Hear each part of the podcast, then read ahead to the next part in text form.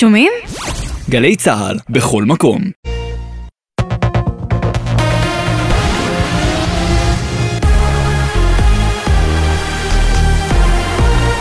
גלי צה"ל השעה שבע. ערב טוב, באולפן יהונתן גריל עם מה שקורה עכשיו. חברי כנסת באופוזיציה תוקפים את הצעת הפשרה שהציע יושב ראש האופוזיציה יאיר לפיד לרפורמת לוין במערכת המשפט. מדווח כתבנו הפוליטי יובל שגב. יושב ראש ישראל ביתנו ליברמן התבטא נגד ההצעה של לפיד וכתב, צאו מהסרט, אתם רוצים פשרה של 50% דיקטטורה? שאל. גם יושבת ראש מפלגת העבודה מיכאלי תקפה ואמרה, לא עושים משא ומתן עם נאשם, הוא לא פרטנר לתיקון המערכת.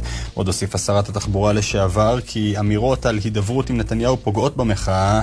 כזכור מוקדם יותר היום הציע לפיד כי תגובש הצעה מוסכמת על שני הצדדים, באמצעות ובפיקוח של הנשיא הרצוג. תרגיל משותף של צה"ל ופיקוד המרכז של צבא ארצות הברית החל היום במטרה לבחון את המוכנות המשותפת למלחמה מול איראן. פרשננו לענייני צבא וביטחון, אמיר בר שלום. ישראל וארצות הברית מעבירות היום מסר ברור לאיראן. תרגיל רחב היקף שכולל את חילות האוויר, הים והיבשה של שתי המדינות, ובמהלכו יתורגלו תקיפות עומק משולבות מהאוויר ומהים. התרגיל בשם אלוני בזלת יכלול גם הטלת חימוש חי מהאוויר של מפציצים כבדים אמריקניים בדרום הארץ. אחרי פינוי המאחז הבלתי חוקי בשומרון, אור חיים, ביום שישי האחרון, ראשי מועצת יש"ע נפגשים בשעה זו עם שר הביטחון יואב גלנט. בפגישה שמע שר הביטחון את טענות ראשי המועצות על המצב ביהודה ושומרון ועל המינהל האזרחי. כתב התחום הפוליטי שחר גליק, שדיווח על הפגישה, מוסר כי חלק מראשי המועצות מתחו ביקורת על גלנט, וטענו כי הוא מדבר איתם על נושאים שאמורים להיות בסמכותו של בצלאל סמוטריץ'. מוקדם יותר היום התייחס ראש הממשלה נתניהו לבנייה בשטחי יהודה ושומרון בישיבת סיעת הליכוד ואמר לא נאפשר בנייה בלתי חוקית, פלסטינית או ישראלית. אנחנו תומכים בהתיישבות. אנחנו באנו לשלטון עם הבטחה ברורה להיאבק נגד הבנייה הבלתי חוקית הפלסטינית הזאת, אבל לא מתקנים שנתיים ביומיים, אין דבר כזה. אבל יש התחלה, והיא חשובה. ולכן אנחנו ניאבק בבנייה בלתי חוקית פלסטינית. זה לא אומר שאנחנו נאפשר בנייה בלתי חוקית ישראלית.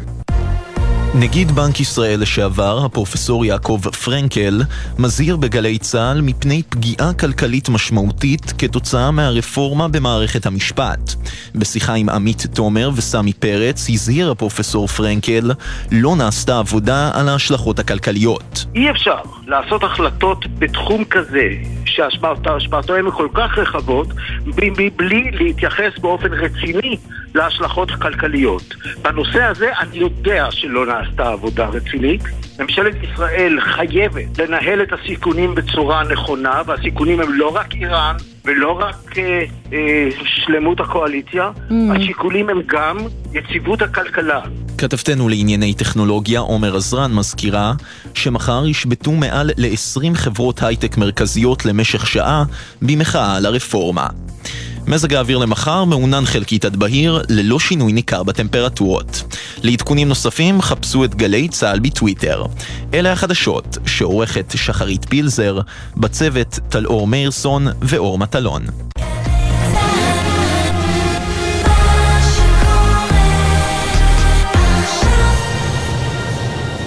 בחסות תשע ביטוח, המציע ביטוח רכב דיגיטלי בלי להתמקח עם נציג, כי ההנחות כבר באתר. איי-די-איי חברה לביטוח, כפוף לתקנון. עכשיו בגלי צה"ל, עידן קבלר.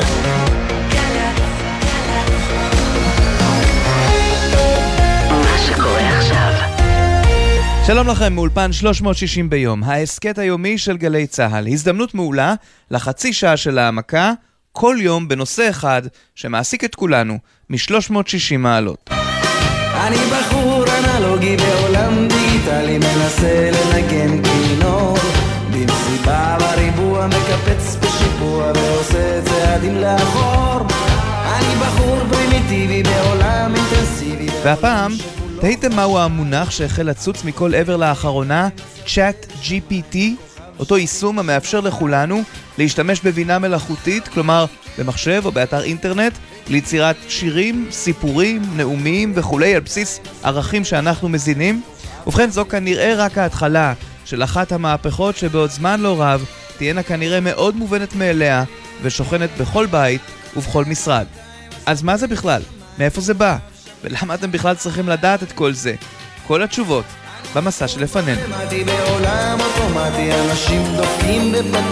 נתחיל איתך, עמיתנו דרור גלוברמן, מגיש בקשת 12, הוא מגיש העתיד עכשיו, כאן אצלנו בגלי צה"ל. מתי צץ לעולם של כולנו כלי הבינה המלאכותית, ה-Chat GPT?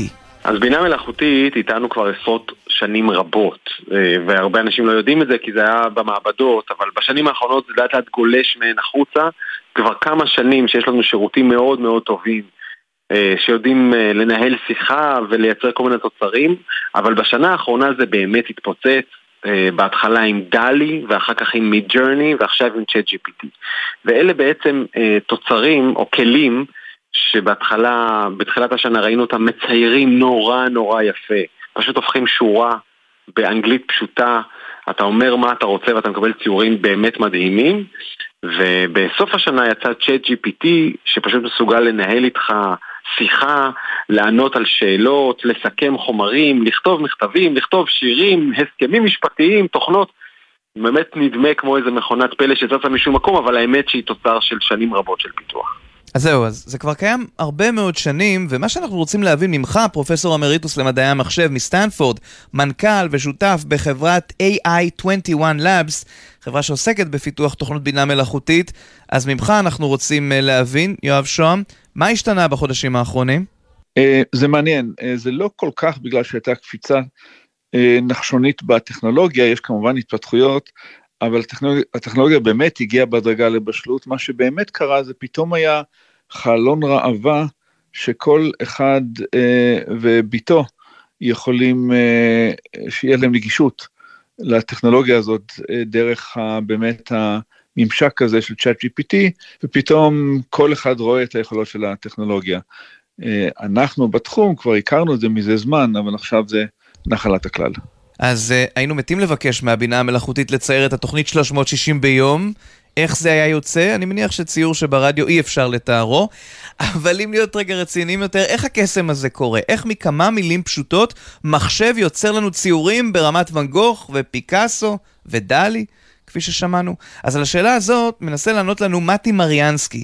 הוא אומן ויוזם בתחום הבינה המלאכותית. מה שאנחנו רואים בשנים האחרונות, שיש לנו סדרה של אלגוריתמים, של מכונות, אה, שמתקדמת לאט לאט בתוצרים שלה, אה, ואנחנו רואים שהמכונות האלה מצליחות לייצר אה, תמונות יותר ויותר יפות, יותר ויותר קרובות למציאות, דברים שנראים כמו צילומים אמיתיים, דברים שנראים כמו ציורים נהדרים, כמו איורים יפים.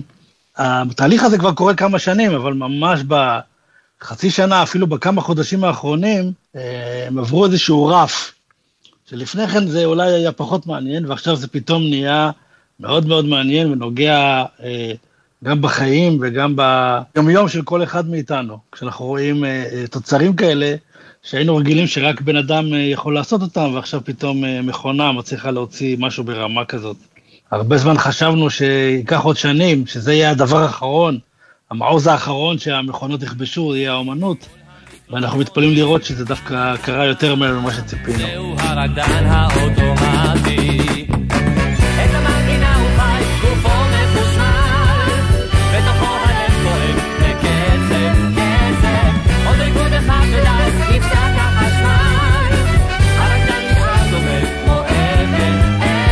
אז כמה זה עולה לנו? אני חוזר אליך בהקשר הזה, דרור גלוברמן, זו קצת שאלת תם, אבל ממתי מחלקים מתנות חינם? זאת אומרת, באמת מהיום כל אחד יוכל בנגישות אין קץ להכין תמונה לעסק, עיצוב לוגו לחברה?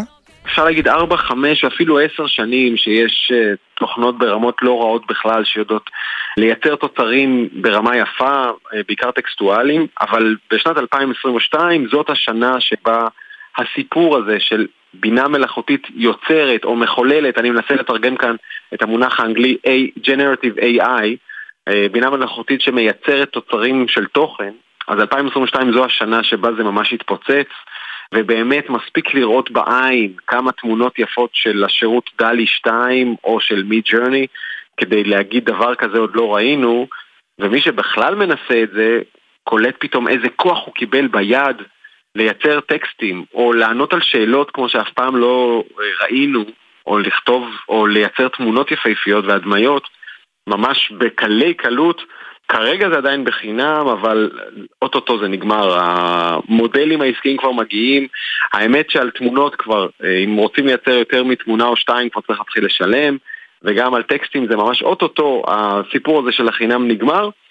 אה, ובצדק, הרמה של השירותים האלה הולכת ועולה, התועלת מהן, אפילו המסחרית ממש, היא אה, כבר עשויה להיות די גבוהה, וגם העלות שלהם היא משמעותית, אז בחינם זה לא באמת הגיוני. אז מעבר לכסף, חשוב להבין, כל הטכנולוגיה החדשה מציבה את האנושות והחברה שלנו בפני אתגרים ומציאות שטרם הכרנו. אז לכן, על מנת לדעת איך זה הולך לעבוד ומה יהיה בעתיד, הכי טבעי שנדבר עם עתידן. הדוקטור רועי צזנה הוא חוקר במרכז בלווטניק באוניברסיטת תל אביב, ועתידן בחברת ספארק ביונד לבינה מלאכותית. אני רואה את זה כאחד הדברים הטובים ביותר שהיו יכולים לקרות לאנושות, עם תקופת מעבר שלא תהיה לא פשוטה בכלל לכל מי שעוסק בעבודות ידע כיום. מכיוון שצ'אט GPT או כל בינה מלאכותית אחרת, אה, למעשה זה סוג של מכפיל ידע, זה ממנף יכולות. כלומר, אם יש לך את הרצון לכתוב ספר, הבינה המלאכותית תעזור לך כבר בשנה הזאת אה, לכתוב את הספר. אם אתה כמובן תדע לעבוד עם בינה מלאכותית. היא תעזור לך להבין איזה מבנה פרקים הוא המתאים ביותר, מה, איזה צורת עלילה היא הטובה ביותר, איזה דרך סיפור היא הטובה ביותר, והיא גם תעזור לך לכתוב את המשפטים ואת הפסקאות ואפילו אה, את הפרקים. וזה כאמור, דוקטור צזנה, לא רק בעתיד, זה כבר היום. כמו שהתחלת לומר לנו, הבינה המלאכותית הופכת לעזר נאמן כנגד אותם אנשים העוסקים ביצירה. סופרים כבר עוברים סדנאות כיום של כתיבה בעזרת בינה מלאכותית. אותו הדבר עם, אה, עם הלחנה, אותו הדבר עם עיתונאות. אותו דבר עם, אה, עם אה, תחקירנים, עם ציירים, עם אומנים. אה, והבינה המלאכותית למעשה תוביל להתפוצצות של יצירתיות ושל יצירה ושל הפקת ידע ורעיונות ויצירות חדשות, מכיוון שהיא תאפשר לכל אחד, מילד ועד לקשיש ביותר, אה, לממש את הרעיונות שלהם, את החזונות שלהם, את החלומות שלהם, ולהפוך אותם למשהו אמיתי שכל היתר יוכלו ליהנות ממנו גם כן. זה התחזית המאוד אופטימית, אבל אני חושב שהיא ריאלית לגמרי, אה, ולא רק לשנה הזאת, אלא גם לכל העשור הקרוב. אבל מעבר לאומנות וליצירה ולדברים המאוד אה, חופשיים שיכולים לעשות כמעט בכל סגנון, יש מוקד אחד שבו החששות הם כבדים. האקדמיה, איך יוגשו עבודות, דוקטורטים, ברמות הגבוהות, ברמות הנמוכות. איך זה בעצם הולך לעבוד שם, ונדמה שהפחדים שם הם לא פשוטים. דרור גלוברמן. הייתי אומר שהחשש אה, באקדמיה לבינה מלאכותית הוא לפחות כפול. האחד, כמובן שתלמידים, בעיקר בתארים אה, אה, בסיסיים יותר, ינצלו אותה כדי לקצר דרכים ולהגיש עבודות שלא הם כתבו, אלא הבינה כתבה בשבילם. והשנייה, וזה אולי במקומות הטיפה יותר גבוהים, וזה שהיא פשוט ממציאה תכנים בלי להתבלבל. וזאת אחת החסרונות הגדולים של בינה מלאכותית. כמו שהיא כותבת לך דברים נכונים, היא גם מסוגלת לשקר ולהמציא אמיתות שלא היו ולא נבראו, כולל ציטטות מראה מקום, שמות מחקרים שמעולם לא בוצעו, ולפעמים אנשים עלולים ליפול בפח ולצטט הלאה בלי לבדוק. אז כל דבר שהבינה הזאת נותנת צריך לבדוק אותו, ומכאן גם נובע השינוי המתבקש בדרכי הערכה. איך אתה מעריך תלמידים וסטודנטים? אם אתה עדיין נותן להם עבודות ומצפה שהם יחזירו אותם ביום ראשון שהם כתבו בעצמם, אז זה כבר כנראה לא כך עובד. אז צריך לתקן את דרכי הערכה האלה, או לעקוף את הבינה המלאכותית, כלומר, בחינות אה, עם עט ונייר או בעל פה, אבל זו שיטה קצת טיפשית. מה שבאמת צריך לעשות, הרי אנחנו רוצים, המטרת העל של כל הלימודים האלה, חוץ מלהרחיב את הדעת ולחקור, זה להכין את התלמידים ואת הסטודנטים לעתיד. זהו העתיד שלהם, בינה מלאכותית. אז צריך ללמוד, לשנות את דרכי הערכה באופן שמנצל את הכלי הזה, ולא מתעלם או עוקף או אוסר אותו, כמו שעשו עכשיו בניו יורק. אה, זה אומר כן לעודד את התלמידים להשתמש בו, וכן למצוא דרכים שבהם השימוש בו הוא מועיל ללמידה ולא מתחרה בה ולא מבטל אותה, אה, כי זה הולך להציף אותם ואותנו בשנים הקרובות בכל כיוון. ויש מי שמבקש להרגיע וזהו הפרופסור יואב שוהם, מייסד החברה AI21 Labs. אז אני חוזר אליך בהקשר הזה, ואתה בעצם אומר, האנושות לא תוחלף על ידי המחשב והטכנולוגיה, אלא זה בעצם רק סוג של סייען. תראה, יש אספקטים מסוימים של uh, כתיבה uh, שבאמת הופכי, עוברים אוטומציה. למשל, uh, אני ואתה, uh, יש לנו עכשיו לידינו כל הזמן uh, uh, עורך uh, לשוני. אם יש לנו טעות כתיב, מיד זה יקפיץ לנו במערכת, יש לך שגיאת כתיב. אז זה כבר עבר אוטומציה. למתי מעט מאיתנו יש גם עורך או עורכת שעוזרים לנו ברמה יותר גבוהה להגיד, אולי תגיד את זה אחרת, כאן זה לא ברור, ויש לנו עוזר מחקר, שעוזר להביא נתונים ודברים שכאלה.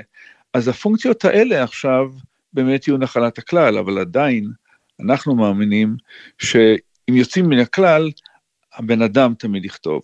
יש יוצאים מן הכלל של דברים שמאוד רוטיניים.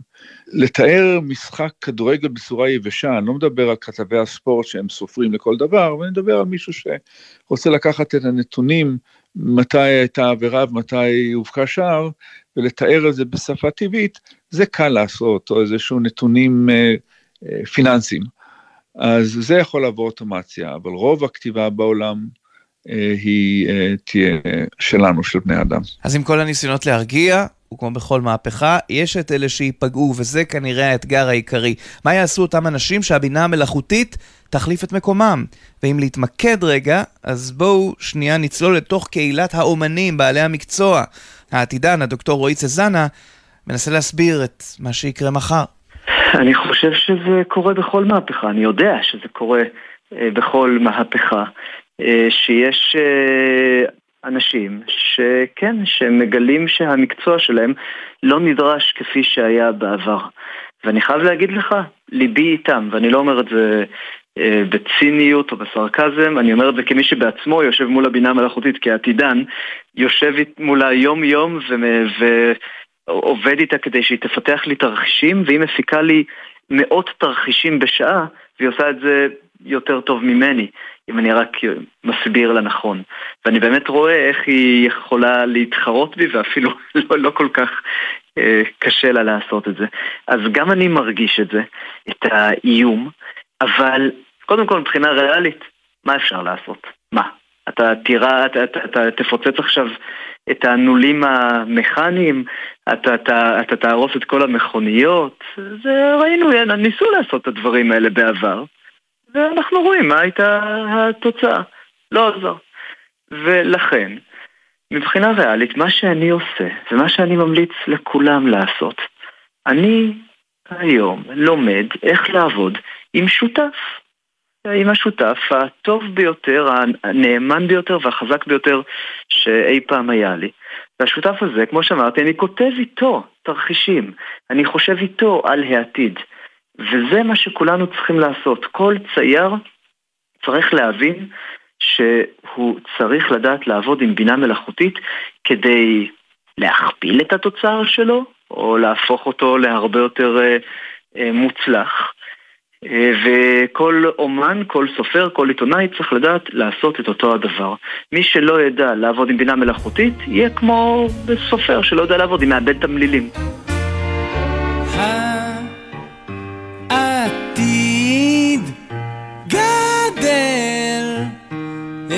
אצלך ועוד מעט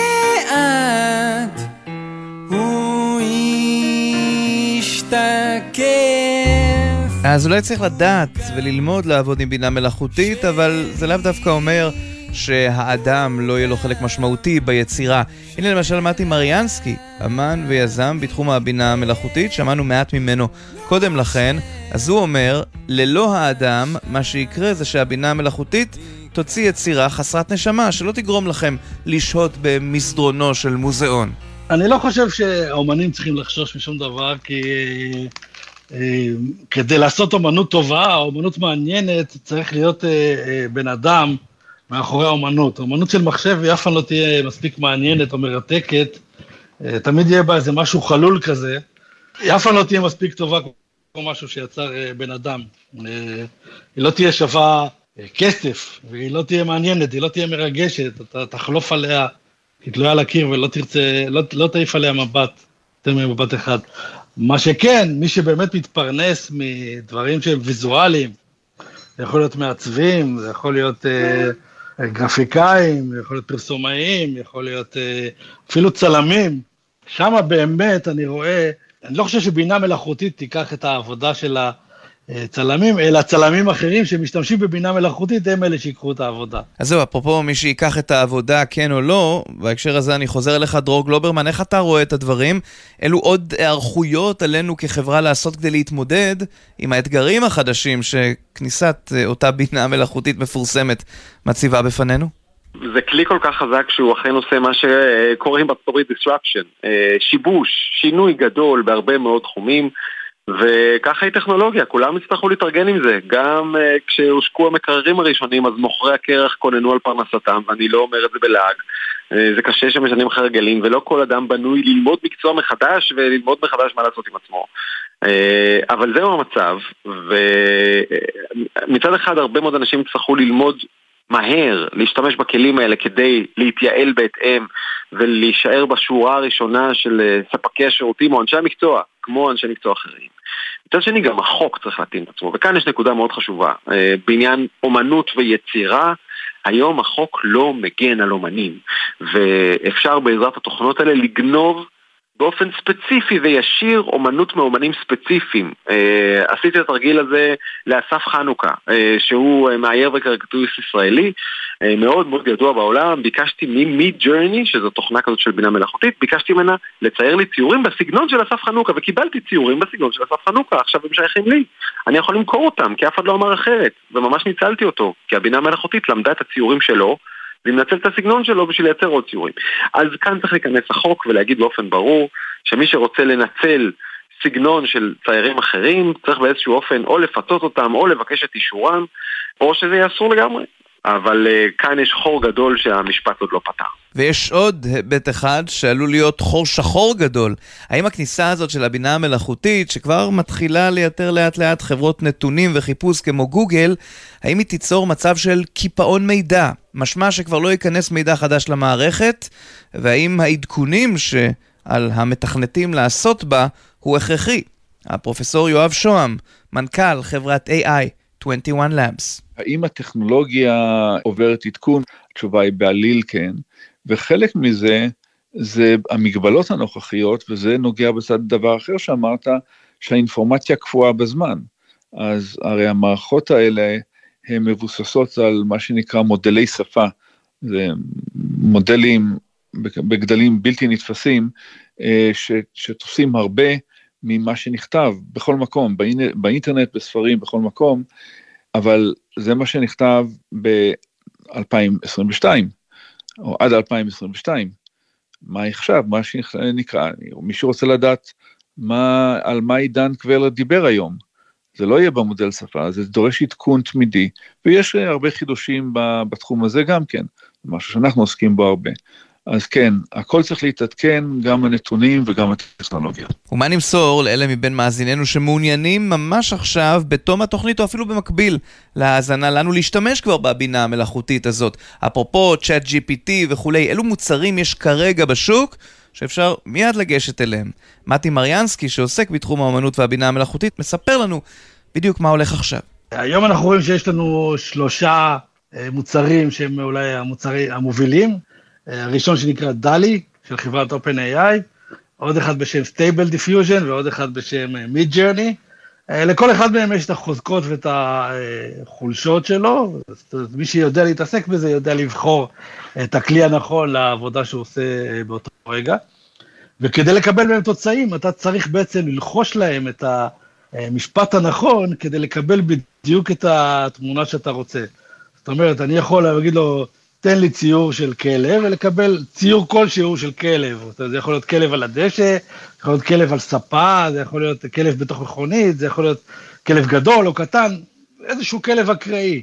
אבל אם אני כיוצר יודע ספציפית לאיזה כלב אני מתכוון, ואני יודע לדייק את זה, אז אני יכול לבקש שהכלב הזה יהיה מגזע מסוים, הוא אה, באיזושהי פוזה מסוימת, ותאורה ספציפית, וצבעוניות כזאת או אחרת. חוזר אליך, פרופסור יואב שוהם, אתם כבר משתמשים שם ב-AI21 Labs בבינה מלאכותית, אבל האם זה באמת תהיה נחלתם של כולם? כולנו נתעסק עם זה ממש ממש כך, ביום-יום? טוב, אתה יודע למי ניתנה הנבואה, אבל אה, בכל זאת, תראה, כשמדברים כיום על AI, אה, אז באמת המיקוד הוא ב... בתחום של מה שנקרא NLP, עיבוד שפה טבעית, Natural Language Processing, שחלק ממנו זה שהמחשב יבין בעצמו מה כתוב באיזה טקסט, וחלק מזה זה באמת מה שנקרא ב-Generative, לא understanding אלא generation, של שפה שהמחשב יכתוב בעצמו, לפחות יעזור בתהליך הכתיבה. כשאתה חושב על זה ככה, אנחנו קוראים בכל מקום ואנחנו כותבים בכל מקום, אז האימפקט של הטכנולוגיה הזאת הוא באמת באמת מאוד רחב. לקראת סיום, נפנה שוב אליך, העתידן רועי צזנה, מה המסר שלך אלינו לגבי העתיד? איך אנחנו כחברה צריכים לאמץ את הכלי החדש הזה שפרץ על חיינו בסערה? התלהבו, קחו את כל החלומות שלכם והרעיונות שלכם, רציתם תמיד לכתוב איזושהי תוכנה ולא ידעתם להשתמש במחשב? עכשיו אתם יכולים לעשות את זה. רציתם תמיד להיות אומנים גדולים, אבל כמוני, בכל פעם שקרבתם עיפרון לדף, אז העיפרון נשבר והנייר עלה באש, עכשיו אתם יכולים להיות אומנים. רציתם תמיד להיות סופרים, אתם יכולים עכשיו. כל העולם פתוח למי שמוכן להשתמש בבינה המלאכותית, קחו את זה, למדו את הילדים שלכם את זה. תנו להם להיות יותר ממה ש... מבני אדם רגילים שמוגבלים ביכולות שלהם, תנו להם להשתלט על העולם. באמצעות הבינה המלאכותית ולממש את, את מה שהם יכולים להיות באמצעות הבינה המלאכותית. שיהיה לנו בהצלחה.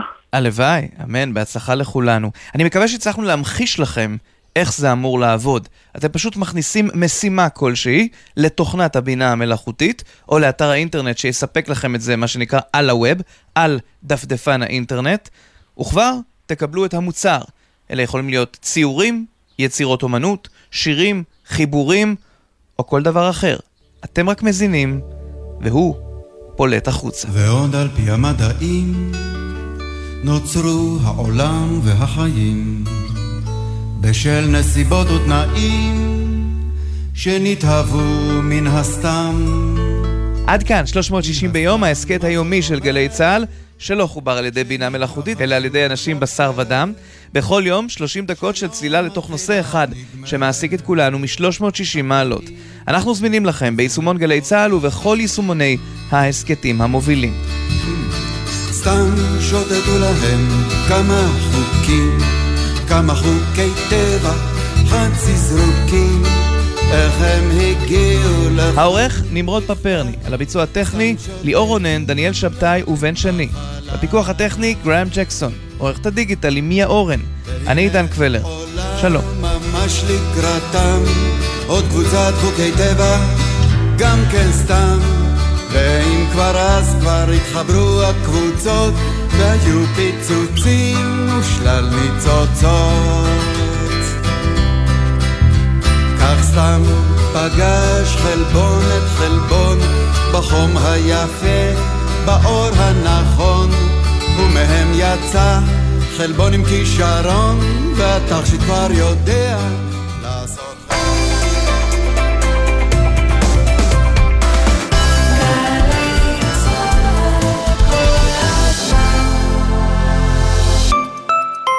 סובבו רגע את כדור הארץ. עצרו. על מה עצרתם? וייטנאם, ברזיל, קניה, הודו, צ'ילה? אז עוד רגע אתם שם, במרכזי הכלכלה של העולם. הצטרפו לנבחרת הנספחים והנספחות של משרד הכלכלה והתעשייה, סייעו לחברות הישראליות ביצוא אל בירות הכלכלה המובילות בעולם, פיתחו דלת להשקעות זרות בארצנו, וקדמו הסכמי סחר בינלאומיים. יש יותר מרתק מזה? חפשו בגוגל. צוערים, משרד הכלכלה. מנהל סחר החוץ במשרד הכלכלה והתעשייה. עתידכם בסמינר הקיבוצים מתחיל עכשיו. אתם מוזמנים ליום הפתוח לתואר ראשון, יום ג' 24 בינואר בשעה 3. לפרטים התקשרו, כוכבית 8085. סמינר הקיבוצים, מכללה מובילה לחינוך ולאומנויות. אתן מחפשות שירות לאומי מאתגר, משמעותי ובינלאומי? משרד החוץ מחפש אתכן. בשירות הלאומי במשרד החוץ תוכלו לתרום ליחסי החוץ של מדינת ישראל, לטפל באח"מים, לעבוד מול שגרירויות בארץ ובעולם ולסייע לאזרחים ישראלים בחו"ל. מה מחכה לכן? עשייה במרכז עולם הדיפלומטיה ושירות מרתק ומעשיר. לפרטים נוספים, היכנסו לאתר משרד החוץ.